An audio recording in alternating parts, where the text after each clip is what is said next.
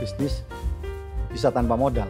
Kan banyak nih orang jual seminar-seminar ya, bisnis tanpa modal, bisnis tanpa modal. Ya tergantung gini loh ya, menurut saya modal itu apa? Yang paling mahal adalah idenya. Kadang-kadang yang punya duit itu cuma dibagi saham 30% atau mungkin cuma 20%. Ya, bisnis harus modalnya besar.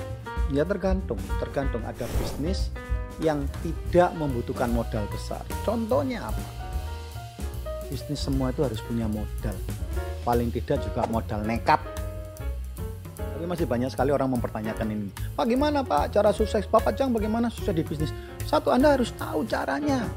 Ilmunya Anda harus belajar dulu.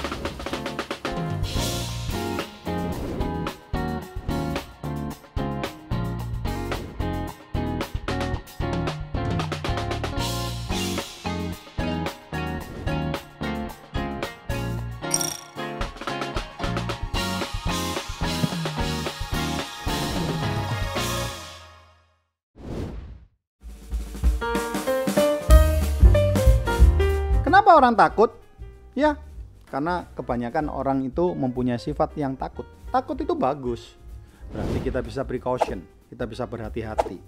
Tapi biasanya takut yang berkelebihan membuat kita menjadi penakut.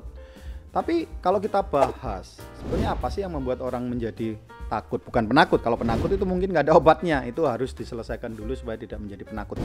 Tapi biasanya satu, mungkin menurut saya mereka tidak merasa punya pengalaman.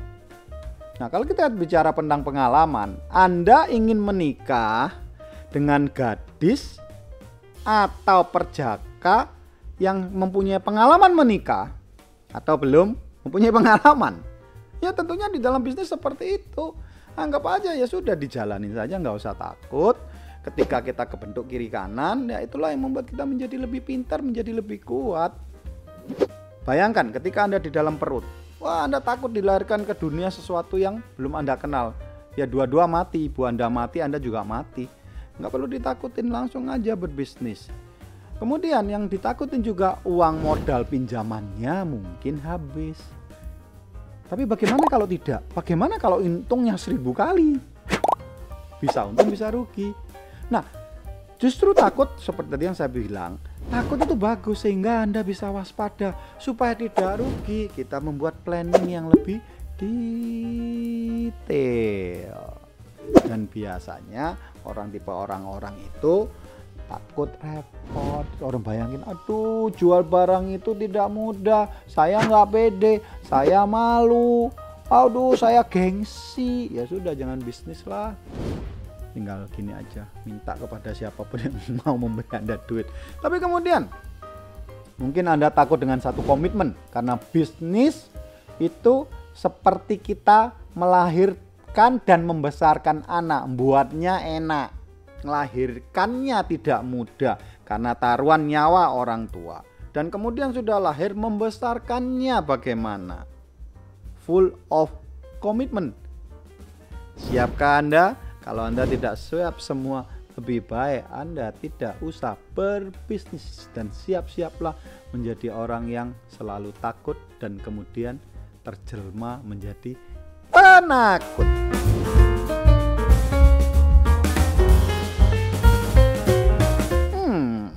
Apakah karena mereka tidak punya keberuntungan? Atau karena memang industrinya nggak cocok? Saya sih kalau tidak percaya ya. Kalau ketika saya membaca satu majalah atau apa pun, atau mungkin orang-orang pintar, oh kamu itu cocoknya kerja A, B, C, D. Saya kok nggak pernah percaya ya. Jadi kegagalan kita di dalam bisnis itu bukan karena cocok atau tidaknya.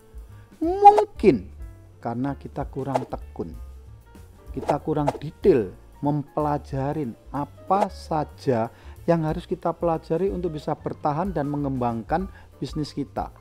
Jadi supaya Anda tidak gagal, terus ikutin as Papa Chang.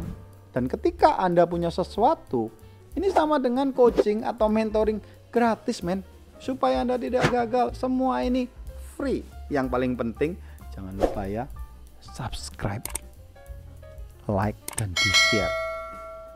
Oke? Okay?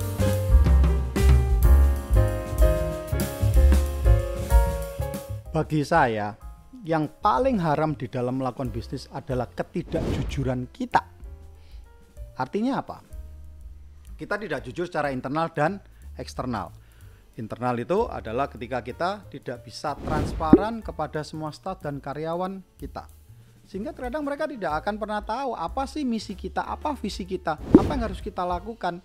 Dan kadang-kadang apa yang diinginkan oleh seorang pemimpin tidak transparan sehingga dia berbohong kepada stafnya untuk melakukan hal-hal yang tidak sesuai terkadang dengan misi-misi perusahaan. Kemudian, tidak bisa dipercaya tentunya karena jujur, tidak jujur, dan tidak bisa dipercaya. Dan itu nomor dua yang paling saya haramkan tidak bisa dipercaya. Kalau orang berbisnis sudah tidak bisa dipercaya, end of the world. Artinya apakah pertanyaannya Anda ingin berbisnis dengan orang yang tidak dipercaya. Kemudian yang ketiga, tidak bertanggung jawab. Ya, tidak jujur, tidak bisa dipercaya, ya tentunya pasti tidak bertanggung jawab. Ya, kadang-kadang siapa sih yang pernah kita dengar di kehidupan sehari? Setiap orang ingin sekali mendapatkan satu order, mendapatkan ingin closing deal, ingin mendapatkan yang namanya klien. Tetapi begitu signing the contract, mereka tidak bertanggung jawab. Mereka hanya bisa menjual, tetapi tanpa bisa mendelivery produk yang dijanjikan. Atau terkadang tidak bertanggung jawab masalah delivery waktu. Mereka tidak bertanggung jawab terhadap pesanan tidak sesuai dengan apa yang mereka janjikan. Nah, itu yang paling diharamkan. Kemudian yang terakhir, di dalam membangun bisnis atau berbisnis semua ingin instan, instan, instan.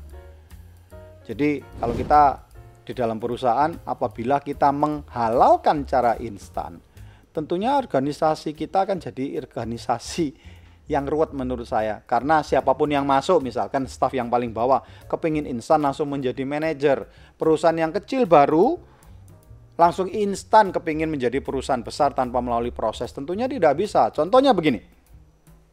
Di dalam bisnis itu kompleksitasnya sangat tinggi. Contoh nih saya mempunyai mesin dengan satu kapasitas produksi satu kilo satu jam. Berarti saya harus menyiapkan produk-produk atau bahan baku setara dengan satu kilo. Tapi kita nggak mau proses, kita langsung kepingin dengan langsung 100 kilo per jam. Lah, dari mana bisa kalau Anda aja tidak mampu memanage produksi satu kilo per jam? Bagaimana Anda mampu memproduksi 100 kilo dan berhasil menjual serta mendelivery on time. Jadi artinya lewatin prosesnya, jangan berpikir instan, instan, and instan.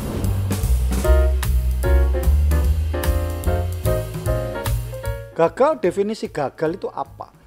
Gagal apa berarti ketika kita uh, bertemu dengan sesuatu, apakah zaman sekarang ini ketika kita menemui kesulitan sudah yang gagal, ketika ada pandemi dan kita merasa gagal. No, gagal itu apa definisi daripada gagal? Tidak berhasil atau belum berhasil. Tetapi apa pun itu, ketika kita mengalami kesulitan atau ketika kita jatuh, kita uh, nubruk tembok gitu misalnya. Ya sudah, berdiri lagi, mencoba lagi, jatuh lagi, berdiri lagi. Contohnya seperti ini. Ingat enggak? Saya yakin semua subscriber semua pasti melewati zaman waktu kita kecil. Waktu kita kecil, kita dilahirkan tidak serta-merta langsung bisa berlari, bener nggak ya? Belajar dulu, berjalan, tata-tata, jatuh, tata-tata, jatuh. Coba dibayangkan, sekali kita jatuh dan kita mempunyai ketakutan yang sangat untuk melangkah lagi. Dan sampai besar, Anda akan menjadi seorang yang lumpuh, tidak pernah bisa berjalan. Tapi Anda harus tahu, Kegagalan itu bagian daripada kesuksesan dan bagian yang sangat erat hubungannya dalam kita berinvestasi atau berbisnis. Kalau tidak mau gagal atau takut gagal, lupakan bisnis. That simple. Takut gagal, berpikir lebih banyak, dan jangan pernah takut jatuh.